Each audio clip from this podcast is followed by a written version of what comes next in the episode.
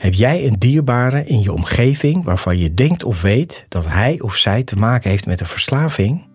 Of worstel je zelf met een verslaving? Dan ben je hier op de juiste plek. Mijn naam is René van Kolm en na 30 jaar verslaving ben ik clean en in herstel vanaf 2010 en werk ik sinds 2015 als familiecounselor. Dit houdt in dat ik de mensen in de directe omgeving van iemand met een verslaving help. Want als je dicht bij iemand staat die verslaafd is, is het echt belangrijk dat je weet wat je wel en beter niet kan doen. In deze podcast, in samenwerking met Lev Magazine, neem ik je mee in de wereld van verslaving en de verslaafde.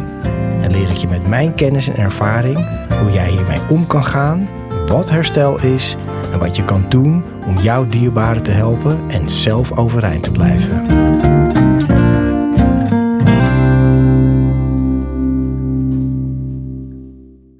Lieve mensen, welkom bij een nieuwe aflevering van de podcast van Verslaving naar Vrijheid. Mijn naam is René van Kolm en super fijn dat je kijkt en luistert naar deze afleveringen, deze podcast. In deze aflevering heb ik een specialist op het gebied van partydrugs, een echte verslavingsarts, maar dat niet alleen, ook een collega muzikant. Zijn naam is Gerard Alderliefste en ik ben super blij dat hij vandaag hier is. Uh, voor wie hem niet kent, en dat zou kunnen, wil ik even iets over Gerard vertellen, want ja, we zijn collega's muzikanten, hoe leuk is dat? Gerard die combineert sinds 1993 twee beroepen. Naast muzikant is hij dus ook verslavingsarts. Uh, en hij is gespecialiseerd in verslaving, maar vooral de lange termijn gevolgen van partydrugs. Nou, daar gaat deze aflevering ook. Dus blijf kijken, want hier is heel veel informatie uit te halen, lieve mensen, voor iedereen.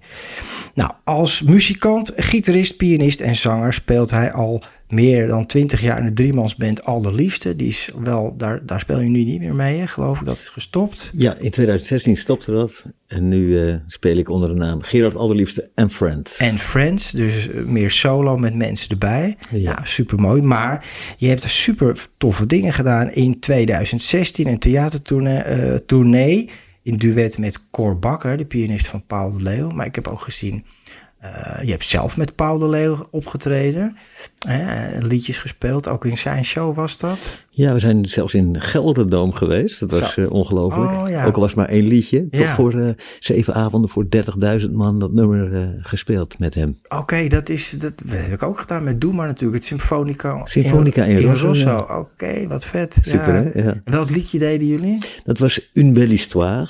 Dat was mijn, is al heel medeleven mijn favoriete Franse liedje van Michel Fugain. En dat bleek het ook te zijn van Paul de Leeuw. Ja, mooi. En dat uh, hebben we dus gezamenlijk opgenomen. En uh, van het een komt het ander. Ja, super. Mooi. Ja, wie kent dat liedje niet? Ook wel heel bijzonder eigenlijk dat je met Ramses Shaffi in ja, de laatste periode, uh, ja, voordat hij overleden, overleden is, heb je nog een hele tijd met hem gespeeld, getoerd.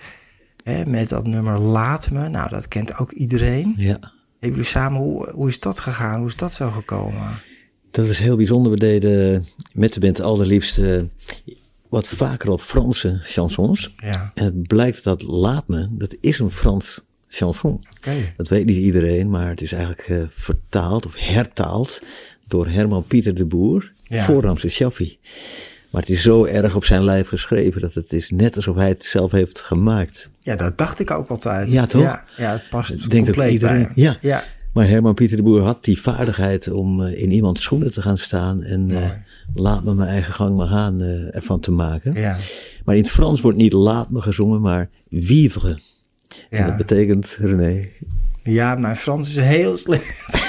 ik weet dat niet eens. Leven. Leven, ja, natuurlijk, ja. En die Nederlandse tekst is heel erg mooi. Want Iedereen herkent zich erin. Heel veel mensen noemen het hun lijflied. Ja. Maar die Franse tekst is bijna nog mooier als je erin verdiept. Want het, uh, de titel is dan Ma dernière volonté. En ik zal je niet vragen dat te vertalen. Nee, dat wordt niks. Mijn laatste wens. Nee. Als je nog één wens mag doen. Ja. Dat is dan leven. Ja, mooi. En uh, ja, heel mooi. En wij zongen dat in het Frans ook op een concours. Concours de la Chanson van de Alliance Française. In een kleine komedie. Helemaal in het Frans. En Lisbeth List zat in de jury. En die vond dat hartstikke goed. En die vond dat we moesten winnen. Maar we werden tweede. We verloren van een meisje van 15. dat is altijd goed. Uit België met een onberispelijke uitspraak. Mm. Terechte winnares. Ja. Maar toen kreeg uh, de drummer en manager Luc de Bruin, ja. Uh, jou wel bekend, jouw collega zeker. drummer, die kreeg toen uh, de moed om aan te bellen bij Ramses in het Safati-huis, het verpleeghuis waar hij woonde. Wil je dit met ons opnemen? En toen is Lisbeth erbij gehaald en Shaffi zei, als jij het doet Lisbeth, doe ik het ook. Dus een, wordt een statige taal. Hè? Mooi. En toen hebben we dat opgenomen in de studio van Henk Temming van Het Goede Doel. Sander van Herk, de gitarist. En dat videootje is, het is, er is een video van gemaakt. En die is meer dan 4 miljoen keer bekeken inmiddels. Het werd gewoon een hit. Ja. En toen kwamen ineens weer heel veel aanvragen bij Shaffi terecht. En samen met zijn begeleidster, Edith, en samen met de band Altijd keken we elke keer, kan dit, kan dit niet? Is dit nog waardig voor hem? En toen hebben we 55 keer opgetreden. Aanzinnig. Tussen 2005 en 2009 tot zijn dood. En daar gebeurden zoveel mooie dingen. En ik haalde hem op in een lelijke eend. en daar hebben we zulke mooie avonturen beleefd. Oh, en toen hij tien jaar overleden was, heb ik een boekje geschreven. Mijn avonturen met Ramses Shaffi. zag ik op je website, ja. ja. En daar heb ik nu ook een theaterprogrammaatje van gemaakt. En waarbij ik beelden laat zien, verhalen vertel, stukjes voorlees. En alleen maar Shaffi liedjes. Samen met violisten uit mijn octet. En daar doe ik er ook 15 van dit jaar. Dus uh, die avonturen die uh, maken hem ook weer helemaal levend. Het is heerlijk om te doen. Ja, fantastisch. En, en dat is waarvoor ik je ook vandaag heb uitgenodigd, ben je in 2008 een landelijk medisch spreekuur partydrugs uh, begonnen. Is een telefoonlijn, denk ik. Mensen bellen daar naartoe. Ja. Hier staat, hè, ik heb even van de website, als je partydrugs partydrugs mhm. gebruikt hebt of gebruikt hebt of gebruikt. En je klachten gaan niet over. Dus dat is al vrij serieus. Hè? Door het gebruik van drugs als ecstasy, cannabis, paddo's, LSD enzovoort ontstaan soms klachten die langer duren. Via het landelijk medisch spreekuur partydrugs kun je uitleg, diagnose en advies krijgen van een verslavingsarts. Gerard. En geen verwijzing van de huisarts nodig. Gesprekken zijn gratis en telefonisch. Maar ik keek naar dat lijstje en zie ik toch wel behoorlijk wat verontrustende ook dingen staan. Hè. Ik heb natuurlijk zelf heel veel gebruikt. Maar ik was nooit zo van de partydrugs. Het waren vooral geen partydrugs. Het was gewoon heroïne en cocaïne. Ja, en de harddrugs. Ja, ja, de hard. Er was weinig party aan. Nou, party is natuurlijk ook een beetje een verknipt woord. Maar ik begrijp waar het vandaan komt. Maar mensen die... Het zullen verschillende natuurlijk middelen zijn die dat triggeren of teweeg brengen. Maar hier staat bijvoorbeeld waarnemingsverstoring onder de noemer van... Nou, dat spreek ik vast niet goed uit maar het is in ieder geval HPPD. Hello, nou spreek je uit eens uit. Uh. Hallucinogen. Ja. Persisting Perception Disorder. Ja, dus een soort andere waarheid waar je in terecht komt. En vooral waarnemingsgericht, zintuigelijke oh, veranderingen. Okay. En meestal visueel. Ja. En visual snow syndrome, nou, nooit van gehoord. Nee, heel heel leuk. sneeuw. Ja, het is leuk dat je nooit van hebt gehoord, want dat is juist wat ik probeer ook te verspreiden, dat er meer kennis over komt. Maar visual snow syndrome eh, betekent letterlijk een syndroom waarbij je visual snow ervaart. En visual snow is sneeuw in je gezichtsveld. Ja. En in het Nederlands zeggen we oogruis. Ja.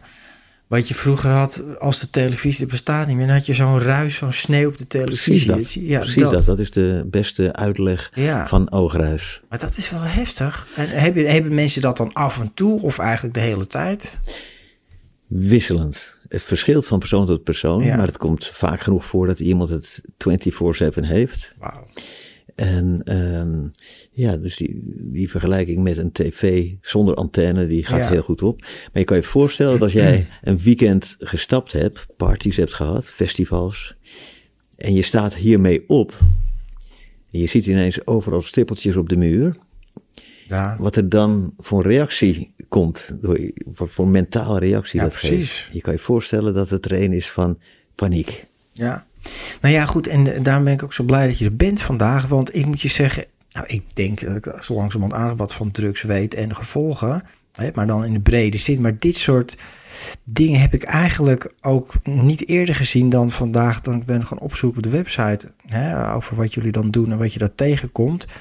Nou, ik zie ook nabeelden, een afdruk of een negatief beeld zijn van een waargenomen object. Dus als een soort dia, denk ik dan, hè, dan omgedraaid.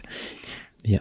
Nou, ja, je kan hier op twee manieren naar kijken. Nabeelden, uh, bijvoorbeeld ik kijk naar deze plant en ik draai mijn hoofd weg en ik blijf die plant zien.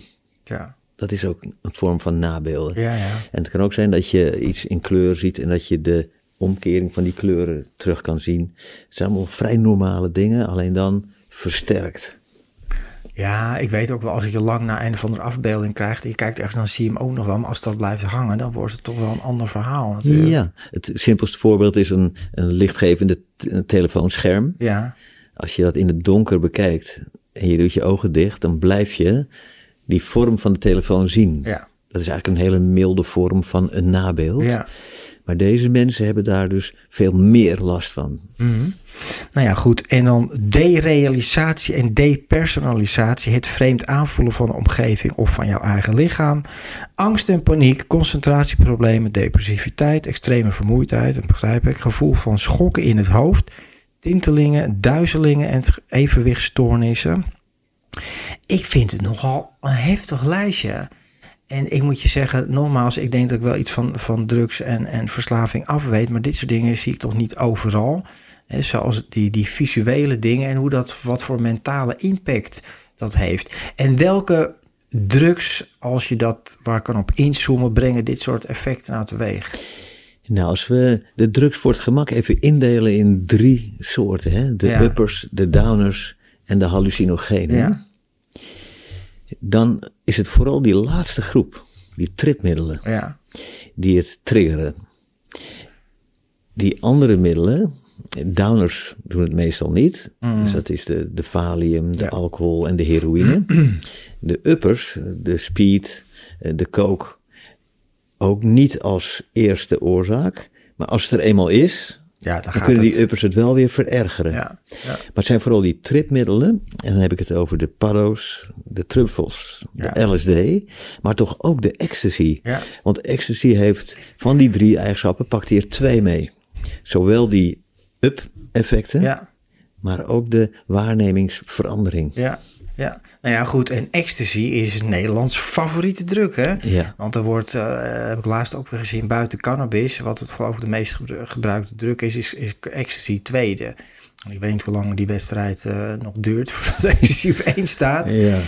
Maar daar wordt toch ook wel heel makkelijk naar gekeken. En dan zal het ook niet zo zijn dat als iemand dat één of twee keer gebruikt, dat je dit soort effecten, of kan dat ook? Een hele belangrijke vraag. Want hè, mensen denken, dan moet je wel heel veel gebruiken om nou, deze klachten te krijgen. Maar ik heb tientallen mensen die het van twee of drie keer al hebben gekregen. De meeste, dat moet de waarheid wel uh, uh, zeggen, dat het uh, meer dan 30 pillen lifetime of zo is. Ja, maar goed. En dat is natuurlijk ook het moeilijke met dit soort drugs, dat ja, een pilletje kan wel ecstasy heten, maar elk pilletje is anders. Het, komt, het is allemaal een andere eh, samenstelling. Elk lichaam is anders, elk brein is anders, dus er wordt anders op, hè, mentaal ook. Alles speelt mee, dus hoe je erop reageert is totaal verschillend. En iemand kan wel, wel, misschien wel duizend pillen in zijn leven wegwerken en eigenlijk weinig last van hebben. Ja. Maar ik hoor ook wel echt verhalen van, laatst ook weer van een meisje die een pil had, gewoon één keer gebruikt en het al niet overleefd heeft. Maar jij zegt zelfs bij twee of drie pillen kunnen dat soort klachten al? Ja, dat kan al gebeuren bij zo'n gering gebruik, relatief gering. Maar wat je ook zegt, het hangt er vanaf. Iedereen is anders. Hè? Ja, precies. het gaat erom hoe zit iemand van tevoren, hoe zit iemand van tevoren in elkaar. Ja. En daarmee moeten we dus kijken ook weer vanuit bio-psychosociaal model. Ja. Dat er zijn biologische factoren, psychische en sociale. Zoals je ook kan loslaten op het begrip verslaving. Ja. Dat is ook multifactorieel. Er speelt van alles mee. Maar dat geldt hier toch ook. Maar het is toch wel, om het even heel plat te zeggen, fucking heftig als je na een paar pilletjes een keer wakker wordt en je blijft of ruis zien en dat gaat niet weg. Ik bedoel, ik heb ook wel wat ervaringen gehad na drugs. Ik zie heel veel jongeren, ook in mijn werk, hè, die dan zo'n heel lijstje opnoemen van wat ze allemaal gebruiken en misbruiken en ook verslaving hebben. Maar toch, deze dingen heb ik me eigenlijk niet zo gerealiseerd. En depersonalisatie, dat klinkt ook wel heel heftig. Hè? Dus eh, kan je dat uitleggen, wat betekent dat? Ja, depersonalisatie, dat is het fenomeen dat je loskomt van je eigen lichaam. Ja. Dat je vervreemd raakt van je eigen lichaam. Je kan je afvragen, is dit mijn hand? Ja. Of je loopt over straat en je weet dat je daar loopt, maar je bent niet meer de bestuurder. Je bent een robot, een automatische piloot. Ja. Mensen kunnen ook zeggen, ik zit helemaal in mijn hoofd. En ik kijk door mijn ogen heen als door een camera. Dus letterlijk ervaren dat je in je hoofd zit. Dus het spreekwoordelijke van nou, zo'n rationeel type, zo'n denker, die zit veel in zijn hoofd. Dat wordt dan ook letterlijk ervaren. Dat is depersonalisatie. Ja. Derealisatie, dan ben je ook vervreemd, maar dan van je wereld om je heen. En mensen zeggen dan, het is net alsof ik in een film zit. Ja. Ik heb geen contact met de buitenwereld. Ik zit in een droom. Ik ben uh, vervreemd. Dat gevoel. Ja, dus kunnen ze ook niet communiceren met andere mensen? Of, of wel? Dat kunnen ze wel. Ja. Maar het is niet echt. de wereld is nep. En in extreme gevallen zien mensen er ook uit als stripfiguren. het is toch, dit is toch extreem? En, en, en ik vind het toch wel echt heel zorgelijk, maar ook dit is niet waarvoor je tekent als je een pilletje of een plantje of een poedertje neemt van tevoren. Dat weten ze ook niet, denk ik. Want ik krijg, we krijgen nog steeds geen bijsluiter bij alle drugs die gekocht worden. Ja. Dus dan kom je altijd te laat weer achter, hè? Ja. Nou, wat wij kunnen doen is een uh, behandelplan maken. En die bestaat uit vier stappen. Mhm. Het vierstappenmodel. Ja, zou je kunnen noemen. Een behandelplan zonder drugs neem ik aan. Ja. ja maar, wat, maar wat, ga je, wat, wat, wat ga je dan doen? Stap 1 is voorlichting, voorlichting, voorlichting. Ja, dus dat ze weten wat ze gebruikt hebben en hoe het werkt en, en ja. wat er gebeurd is. Wat is dissociatie? Mhm. Wat is HPPD? En wat is visual snow? Want als je weet wat het is, dan weet je ook wat het niet is. Mhm. En dat is super belangrijk, want mensen gaan ook denken: ik word gek. Ja, precies. Dat, dat kan ik me zo voorstellen. Ja, toch? Ja. En ze gaan denken: ik heb mijn hersenen beschadigd. Ja.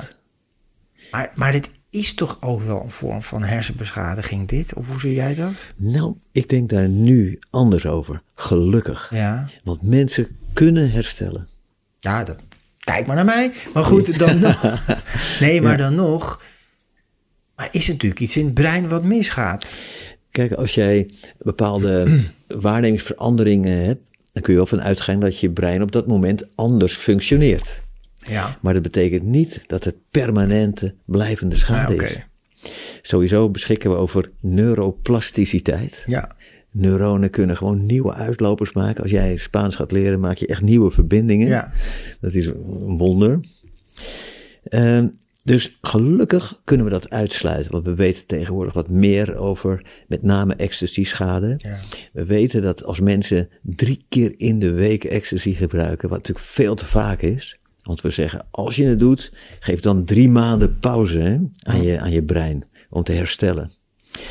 Maar we, we hebben gezien dat die, dat serotonine-transport, dat neemt af als je zo intens gebruikt. Ja, natuurlijk. Maar als je dan stopt, dan is dat na een half tot een jaar weer hersteld. Dan kunnen sommige mensen nog wel last houden met geheugen. Dat kan. Maar deze klachten staan daar los van. En die zijn allemaal angstgerelateerd. Ja. Want wat blijkt dat oogruis, dat ook voorkomt bij mensen die nooit drugs hebben gebruikt. Ja, dat zal wel. Dissociatie komt ook voor bij mensen die nooit drugs hebben gebruikt. Alleen HPPD, want die H staat voor hallucinogen. Ja. Dat kan je alleen ervaren als je eerst een hallucinogen hebt gehad. Klinkt logisch. En dat betekent, dat gaat over de flashback. Dus je herbeleeft die drugservaringen. Uh, die draken, die monsters, die kun je opnieuw gaan zien zonder dat je gebruikt. Dus eigenlijk is dat ook traumatisch. Hè? Dus je hebt een intense waarneming gehad. En ook zonder gebruik, onder invloed van moeheid of drank of uh, stress, kun je die waarneming terugkrijgen. Ja. En daar zie je dus ook het traumatische aspect ervan, gekenmerkt door herbeleving. Dus dat is HPPD. Dan komt stap 2, dat is je leefstijl. Zoals, ga je door met gebruiken of niet? Ja, dat zal niet helpen. ja. als, je door, als je door gaat met gebruik, gaat het niet helpen. Dan blijf je triggeren van die aandoening. Ja. Uh, een wijntje bij het eten is relatief onschuldig. Maar als je weer en je met je studenten drie keer in de week op je club gaat uh, suipen, dan uh, blijf je triggeren. Ja. Zelfs Red Bull en koffie kan al die klachten oproepen. Zo gevoelig ben je geworden. Ja. Nou, dat leggen we uit aan mensen. En dat is stap 2, je leefstijl. En die begint, net als bij verslaving, met acceptatie dat het er nu is. Mm als jij er vandaag af wil, dan kan je alleen maar stress oproepen. En van stress blijft het aanhouden. Je moet begrijpen dat het er nu is en dat je een traject ingaat om te herstellen op een later moment. Nou, dat helpt dan ook mindfulness, meditatie, ademhaling. Dat helpt daarbij, want je maakt je lichaam rustiger. Ja. Uh, stoppen met piekeren, want piekeren is ook heel krachtig. Gedachten zijn zo sterk. I know. Als mensen gaan googelen, en dat doen ze allemaal. Houden ze zichzelf ziek. Ik vind het super interessant wat je vertelt, Gerard. En lieve mensen, als jullie dit kijken en horen, like deze video en deel dit met anderen. Want dit is echt belangrijke informatie. Maar ik kan me wel voorstellen dat je zegt. Hè, nou, dat mediteren dat doe ik ook en ik weet hoe dat werkt, want ik heb ook nogal een druk hoofd, ook sinds ik clean ben. Maar als je nou draken en weet ik veel wat voor dingen ziet en, en vreemde waarnemen om te zeggen van, ik ga rustig mediteren, ik ga niet pieken, dat wordt natuurlijk wel een heel, want je wordt gewoon bang van datgene wat zich toch afspeelt in je bewustzijn. Ja. En we hebben geleerd in die jaren, want we, hebben, we zijn eigenlijk pioniers sinds 2008. Binnen de verslavingszorg in Nederland zijn we de enige met dit spreekuur. Dat is echt heel leuk om ook te verdiepen en te leren van wat werkt voor mensen. En, maar ik zal eerst even de overkoepelende paraplu afmaken, want we hebben voorlichting, leefstijl. En dan pas ga je naar een therapeut, een psycholoog, eh, een traumabehandeling of aanvullende behandelingen. En er zijn er heel veel van, ook die niet altijd bekend zijn en die uh, zogenaamd complementair of alternatief zijn, maar die kunnen heel goed werken. En stap 4 is medicatie. Mm. Maar daar kom ik niet meer aan toe als arts. Het hoeft niet. Maar toen ik begon in 2008, ja. Was medicatie stap 1. En zo denkt de maatschappij nog, de gemedicaliseerde maatschappij. Psychiaters die vragen aan mij, wat mag ik voorschrijven? Ja. En dan zeg ik, wacht nog even. Glas water. water. ja. Wacht nog even, want als je geluk hebt, gaan symptomen een beetje omlaag van pillen. Ja. Maar je bent nooit bij de oorzaak. Nee. En die oorzaak zit hem in angst. Mm Dus dat is het overzicht van een behandelplan. en om dat te bouwen, daar doen we dus drie weken over. En dan pas gaan mensen beginnen met een behandeling. Ja. Nou, ja. die psycho-educatie is vaak, dat is voor ons geeft heel veel voldoening. Want sommige mensen lopen tien jaar of twintig jaar mee rond, hè? met de verkeerde diagnose. Ja. Nou ja, precies. Want op een gegeven moment ga je toch denken, ik ben gek. Het is, er is echt iets mis met mij. En ja. Dat zal ook wel zo. Maar ik bedoel, hè, op het moment dat dat gebeurd is. En ik kan me zo goed voorstellen, met alle respect voor alle gewone huisartsen. Dat inderdaad iemand met deze klachten bij een huisarts komt. En die, ja, die, die weet dat niet. En, en, nee, dat eh, kan een huisarts ook eigenlijk niet weten. Het is echt wel specialistische kennis die toch allemaal. Ik moet je zeggen, ik dacht dat ik, maar dit heb ik ook niet gezien. Visuele oogruis en al die gekke dingen. Nee. Nee, dat is een, eh, een probleem voor mensen uh, die dit krijgen. Maar er zijn er, ik ken er al een paar duizend. Ja, zo. Maar het lijkt erop dat 4% ja. van alle partydrugsgebruikers aanhoudend klachten houdt. Ja. Nou is 4% een klein stukje van de taart. Maar op 400.000 ecstasy-gebruikers, ja. moet even rekenen. Heel slecht in te rekenen.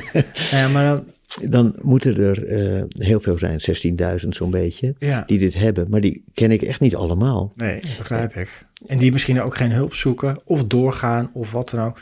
Of gaan dempen, want dan kan ik me ook voorstellen, wat je zegt van, wat schrijft de psychiater? En dan kom je in de pammetjesafdeling natuurlijk. De pammetjes of antipsychotica of antidepressiva. Ja. ja, dan ben je van het ene probleem, wat mij betreft, dan in het andere probleem. En dat is natuurlijk niet echt een oplossing. Nee, dat is echt niet de oplossing. Nee. Ik ben heel blij omdat juist als arts uh, die opgeleid is om ook medicatie te kunnen voorschrijven, om dat niet meer te doen. Dat, ik ben zo blij dat je dit zegt, Gerard. Want er zijn zoveel uh, trigger-happy uh, pillendokters, weet je wel. Dat, en weet je, dat, waar je gelijk, als er een probleem is, gelijk een pil komt. In welk, welke situatie dan ook. En dat is natuurlijk ook wel... Ik, heb, ik heb altijd een beetje een haat-liefste verhouding met doktoren. En er zijn natuurlijk heel veel goede bij. En zijn, mensen bedoelen het allemaal heel goed. Maar ik heb ook begrepen dat eh, een arts eigenlijk in Nederland vooral medicijnen leert. Hè? Dus het toepassen van ja, medicatie. Je gaat medicijnen studeren. Ja. Maar het is ook de kunst mm. om het uh, juist niet te doen als het niet hoeft. Kijk, het kan soms zijn, moet je je voorstellen, als iemand heel veel klachten heeft en je bent doodsbang. Ja, dan kan het helpen om iemand kort klachten te helpen verminderen met pillen. Ja. Zodat iemand ook weer aan zijn plan gaat kunnen werken. Absoluut. Maar ik heb het zelf ook gedaan. In 2008 begon ik met medicatie, want je dacht, oh, ecstasy verhoogt serotonine. Daarna heb je dus een tekort en dat gaan we weer aanvullen met antidepressiva. Ja, je bedoelt niet bij jezelf, maar bij de mensen die bij je komen. Ja, ja, ja, ja, ja precies. Ja. Nou, ik vind je vertelt het supergoed, maar ja, normaal. Maar het is natuurlijk niet normaal als je dit hele verhaal krijgt, als je gewoon eens denkt, nou, ik ga eens even Vanavond gaan we eens wat experimenteren. Het contrast is mega groot. Het ja, je gaat naar een feestje en je wordt zo doodsbang. Nou ja, precies. We zijn nu, wat is het, uh, 25 minuten aan het praten over alle mogelijke effecten die, die kunnen optreden na het gebruik zelfs van 1, 2 of 3 keer uh, wat voor pillen dan ook, of wat voor poeiers dan ook. En, en uh, al die middelen die er ook bij komen en dat wat jij zegt, dat hele verstandige van hoe zit ik in mijn vel, hoe, ga ik met om.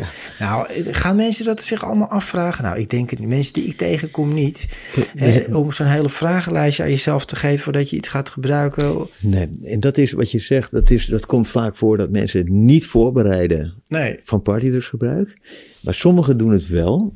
En dan noem ik nog een keer onze site drugsinfoteam.nl. Ja. Maar Jelinek heeft een goede uh, Trimbos Instituut, drugsinfo.nl. Mhm. Daar staat heel veel informatie per middel genoemd. Ja.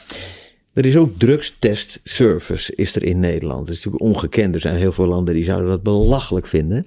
Maar jij kan op vrijdag jouw pilletje laten testen. Ja. Of er überhaupt ja, ja. ecstasy in zit, oftewel MDMA, de werkzame stof. En dan weet je ook hoeveel erin zit. Want als ik 80 milligram, 80 kilo weeg, ja. 80 milligram, een heel kleine kabouter. als ik 80 kilo weeg, ja. dan kun je eigenlijk van uitgaan dat je 1 tot 1,5 milligram per kilo kan hebben. Ja. Dan kan ik 80 tot 120 milligram aan. Maar als een pil 240 milligram bevat, dan heb ik meteen al een overdosering van, hm. ja, één pilletje, dat zegt niks. Nee. Je wilt gewogen hebben en dan neem je dus een kwart of een halve. Ja, dus het is levensgevaarlijk. Ja, ik heb ook een hele goede site, drugsinfo, doet gewoon lekker niet.nl. Want dat staat mij... Doe het niet.nl. Doe het niet. Ja, dat is waar ik vandaan kom, weet je, er zijn zoveel... Het zal ongetwijfeld gaat het ook heel vaak goed. En, en, en ik gun iedereen alle plezier en, en leuke dingen. Maar dat is natuurlijk niet de kant die ik zie van, van alle drugsgebruik en al het gedoe en alcohol trouwens ook en het gamen en alle, alle toestanden. Maar en heb je, dan heb je het nog niet eens over, zeg ja, dat zijn mensen die verslaafd zijn. Dus dit zijn gewoon eigenlijk gebruikers. Ja, gebruikers of experimenteerders die dat er af en toe, of je doet het eens een keer, je probeert het eens een keer. Ja. ja. En kom je ook echt verslaving, want je hebt natuurlijk uh, bij de bedrijven gewerkt en allerlei, nou dan ben je wel, dan komen alleen maar mensen toch wel echt met een verslaving. Ja, ik heb 14 jaar op methadonposten gewerkt. Dus ik heb gezien... Daar kwam mij ook tegen. Ja, ja we hebben elkaar, ook. Zeker. Ja. We hebben ook samen muziek gemaakt we daar nog. nog. gespeeld, ja. Met kerst. Ja, inderdaad. Dat was heel leuk. Eh, personeel en cliënten samen muziek maken. Ja, ik was toen nog niet clean, maar goed. Nee, maar je kon nog wel drummen. Ik kon nog wel, ja zeker. De meeste carrière achter drumstel heb ik niet clean gedaan. Hoe dat, hoe dat gelukt is, weet ik nog steeds niet. Maar Muziek is kennelijk zo krachtig dat het... Uh, ja, ja. doorgaat. Maar goed, dus je bent wel... Je hebt heel veel verslaving tegengekomen. Ja. Hè? Heel veel mensen met verslaving. Ja, 14 jaar. Maar nu doe ik ook dus 14 jaar Ja. ehm, in de verslavingszorg een spreekuur voor niet verslaafde mensen. Ook bijzonder, ja. En dat is heel bijzonder en super dat het er is, als ik het zo bekijk nog een keer. Want waar moeten die mensen naartoe? Als ze naar de psychiatrie gaan, die zeggen, oh het is door drugs gekomen. Ja, Je moet naar de verslavingszorg. En verslavingszorg kan zeggen, ja maar je bent niet verslaafd. ja. Dus daarom hebben we dit spreekuur. Ja. ze- het is landelijk geworden. Dat was helemaal niet de intentie in het begin. Maar ze bellen uit eh, Maastricht tot Gro- Groningen. ja. Eh, gelukkig weten ze de weg te vinden. Ja. En we bespreken gewoon eh, vijf nieuwe mensen per week. Mhm. En dat jaar in jaar uit. Ehm, dus het gaat meestal goed, partydrugs. Ja. Dat moeten we ook erkennen. Maar wij zien alleen maar de ellende. En het lijkt 4% te zijn. eh, genoeg om eh, voor te waken dat het mis kan gaan en dat je je moet voorbereiden voordat je gaat gebruiken. En dan kom je op een maatschappelijk ding. ja. Waarom gaan jongeren gebruiken en hoe makkelijk, hoe normaal is het? Precies. En hoe ga je als gezin ermee om en ouders? Kijk, en dat is inderdaad... Dat is jouw straatje. Ja, dat is mijn straatje. Ik vind dat je heel mooi werk doet. Dankjewel. Ja, dat wil ik ook even gezegd Ja, hebben. dankjewel. Nou, ik doe mijn best en ik doe het gelukkig niet alleen. Maar het is, en dat is ook waarom dit kanaal er is, eh, lieve mensen. En nogmaals, deel dit met elkaar, want er is zoveel kennis eh, vooral niet voorhanden en moeilijk te vinden. En inderdaad, de ouders, families, partners, vrienden van iemand. Laten we nog niet eens hebben over mensen die verslaafd zijn. Hè, maar die, dat gebeurt natuurlijk ook heel veel, en die zie ik ook. Maar die dit wel allemaal doen, die weten helemaal van niks. Die weten niet wat 3MC, 2CB, al die dingen, ze weten niet wat het inhoudt. Ze denken dan, ja, dat doen ze allemaal, die jongeren toch, dat hoort erbij. En dan begin Ja. ik wel een beetje achter mijn oren te krabben van, nou, dat denk ik dus niet. Nee. Want die, wat ik zie, hè, nou, toen ik 15 was, ja, nou, dan was er zeker wel eens iemand, nou, als je sigaretten rookte, ah, het schoolplein in het fietshok, nou, dat, dat was al heel wat. En misschien een jointje en, en, en dan alcohol, hè. Maar wat ik nu zie, dat kinderen gewoon zoveel toch harddrugs gebruiken. Hè? Want voor Ja. mij, die, die drie MMC's en het hele rijtje, dat Ja. zijn harddrugs. Nou, en, maar ook dealen en nou, enzovoort. En dan niet één keer geprobeerd, te- maar dat gewoon heel regelmatig doen. Weekenden, door de week nog op schoolplein. eh, ja, dat is toch wel een andere wereld. Dat is een andere wereld. Hoe kijk jij daarnaar? Nou, ik denk en hoop dat het fases zijn in de geschiedenis van nu een enorme vrijheid en het is normaal om op festivals drugs te gebruiken. Maar er zijn ook nog steeds mensen die dat niet doen. Die gaan voor de muziek en de gezelligheid. die die heb. Je, die heb Ja. je ook, hè? Die- Ja, maar dat het zo normaal is, dat vind ik ook eh, zorgelijk. ja, Ehm, en dat je in een tijd leeft eh, van mogelijk te weinig begrenzing door ouders. Dat ze bijvoorbeeld kunnen zeggen, eh, ja, iedereen doet het. precies. Of hebben het zelf ook gedaan, dat Ja. kan ook. Ja, ook met alcohol. Een, een, een jonge meisje van 14 in coma door een fles liqueur. Dat, ja. En het, Maar dat, dit soort dingen ben jij tegengekomen natuurlijk, of kom je nog tegen? eh, nou, dat meer eh, aan de randen van mijn werk. Ja, Eh, nu dus vooral de lange termijn gevolgen van volwassen gebruikers. ja, Maar ehm, misschien ben je het mee eens. Het lijkt erop dat we als ouders moeten zeggen: nee, het is niet goed. Het heel erg mee eens. Ja. En Nou, het is niet normaal. Het, kijk, dat waar, waar ik problemen heb, is dat het allemaal maar normaal is dat dat gebeurt. En dat is het niet. nee. Als je En- 15 bent of, of 18 en nou ja, al die dingen die er gebeuren. Omdat het. Kijk, als er geen consequenties zijn die negatief zijn, is het, is het geen probleem. Het leidt tot heel veel problemen. En ik vind dat het leidt tot heel veel gedragsverandering bij mensen. Ze worden er niet leuker op. Ja, misschien op het moment dat ze gebruiken. Maar ze raken zichzelf toch langzamerhand kwijt. En komen er allerlei dingen en mensen, milieus terecht. En dat, dat vind ik niet oké. Ja, ik heb een paar dingen geleerd. Volgens mij Mm. dat als, als ouders nee zeggen, je mag geen drugs hebben, je mag niet drinken voor je achttiende, dan geeft dat weerstand. Ja, Ja, maar iedereen doet het en Ja. ik wil een feestje hebben. ja, Maar als je het niet zegt, dan kunnen ze makkelijker ontsporen. En als je het wel zegt, dan verzetten ze zich wel, maar nemen ze toch jouw norm over om matig te blijven. Dat vind ik een mooie, ja. Want dus daarmee geef je toch de boodschap af van, nou, het is niet oké, het is niet normaal. Eh, wij, wij zijn het er niet mee eens, maar ja. Hè. Ja, die, die is heel belangrijk. Plus, we zijn het er tegen, maar als je het doet, lees je dan in Op deze website, zodat je het zo veilig mogelijk doet. We houden er niet van. En op die manier kun je ook nog in gesprek blijven. Want als je alleen maar zegt, je doet het niet hoor. Ja, en, dan breek dan je ben, benen, ja. Dan ben je gesprek kwijt. Ja, klopt. Ik ben ik helemaal met je eens. Want het gebeurt nou eenmaal, dus het heeft ook geen zin om dit te doen.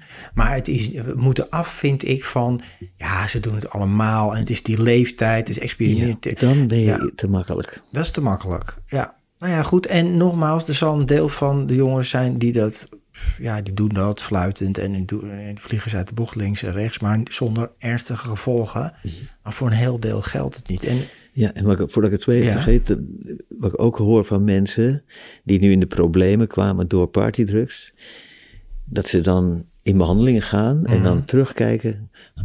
Nu weet ik waarom ik zo vaak drugs gebruikte. Ik zat niet goed in mijn vel. Dat.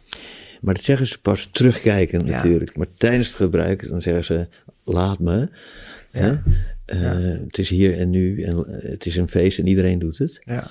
Maar de meesten zeggen, nu zie ik waarom ik toen zoveel gebruikte. Ja, nou ja, precies dat. Hè. dat ik vind het fijn dat je dat zegt, want dat is het punt. En dat is altijd ook mijn punt. Dat pillen, poeders en drankjes en wat dan ook lossen geen probleem op. Dus als je niet goed in je vel zit hè, en je gaat dan wel die dingen doen, dan is dat natuurlijk heel snel opgelost. Hè, want dan zit je een stuk beter in je vel tijdelijk.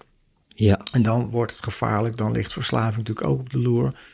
Hè, en zo leer je eigenlijk dus niet, zoals, ik, zoals bij mij ook is gegaan, omgaan met het leven waar gewoon dingen gebeuren. Ja. En, en, het leven zelf. Ja, het, leven zelf. Gewoon dat aangaan, dat is natuurlijk de echte ja, ik vind dat je al super mooie dingen hebt gezegd, eh, Gerard. Ik hoop het maar. Ja, ik, nou, ik weet het wel zeker. Hey, en nog even als laatste, hoe gaat het zo? Hoe is het met jou met drugsgebruik? met, ja, met mij? Ja. Ik heb wel vaak lessen gegeven, ook binnen Breider. En dan krijg je altijd de vraag, Die vraag heeft u zelf ook gebruikt? Ja. Nou, ik, als ik los ga, dan neem ik een bako. Oké. Eén of twee. Oké. Maar als het meer wordt, dan ben ik al heel gauw dronken, dus ik kan er slecht tegen ook. Het is een, een aanleg, een mazzel. Ja. Nooit gerookt. Eén keer een pilletje geprobeerd, met waarschijnlijk een te lage dosering, want er gebeurde niks. Oké. Maar het is niet zo dan, oh, dan ga ik het morgen opnieuw proberen. Nee. Ik denk dat ik met uh, geboft heb met mijn muziek en uh, ja, sociale inbedding ja. en bepaalde uh, grenzen, dat ik het niet, niet naar verlang.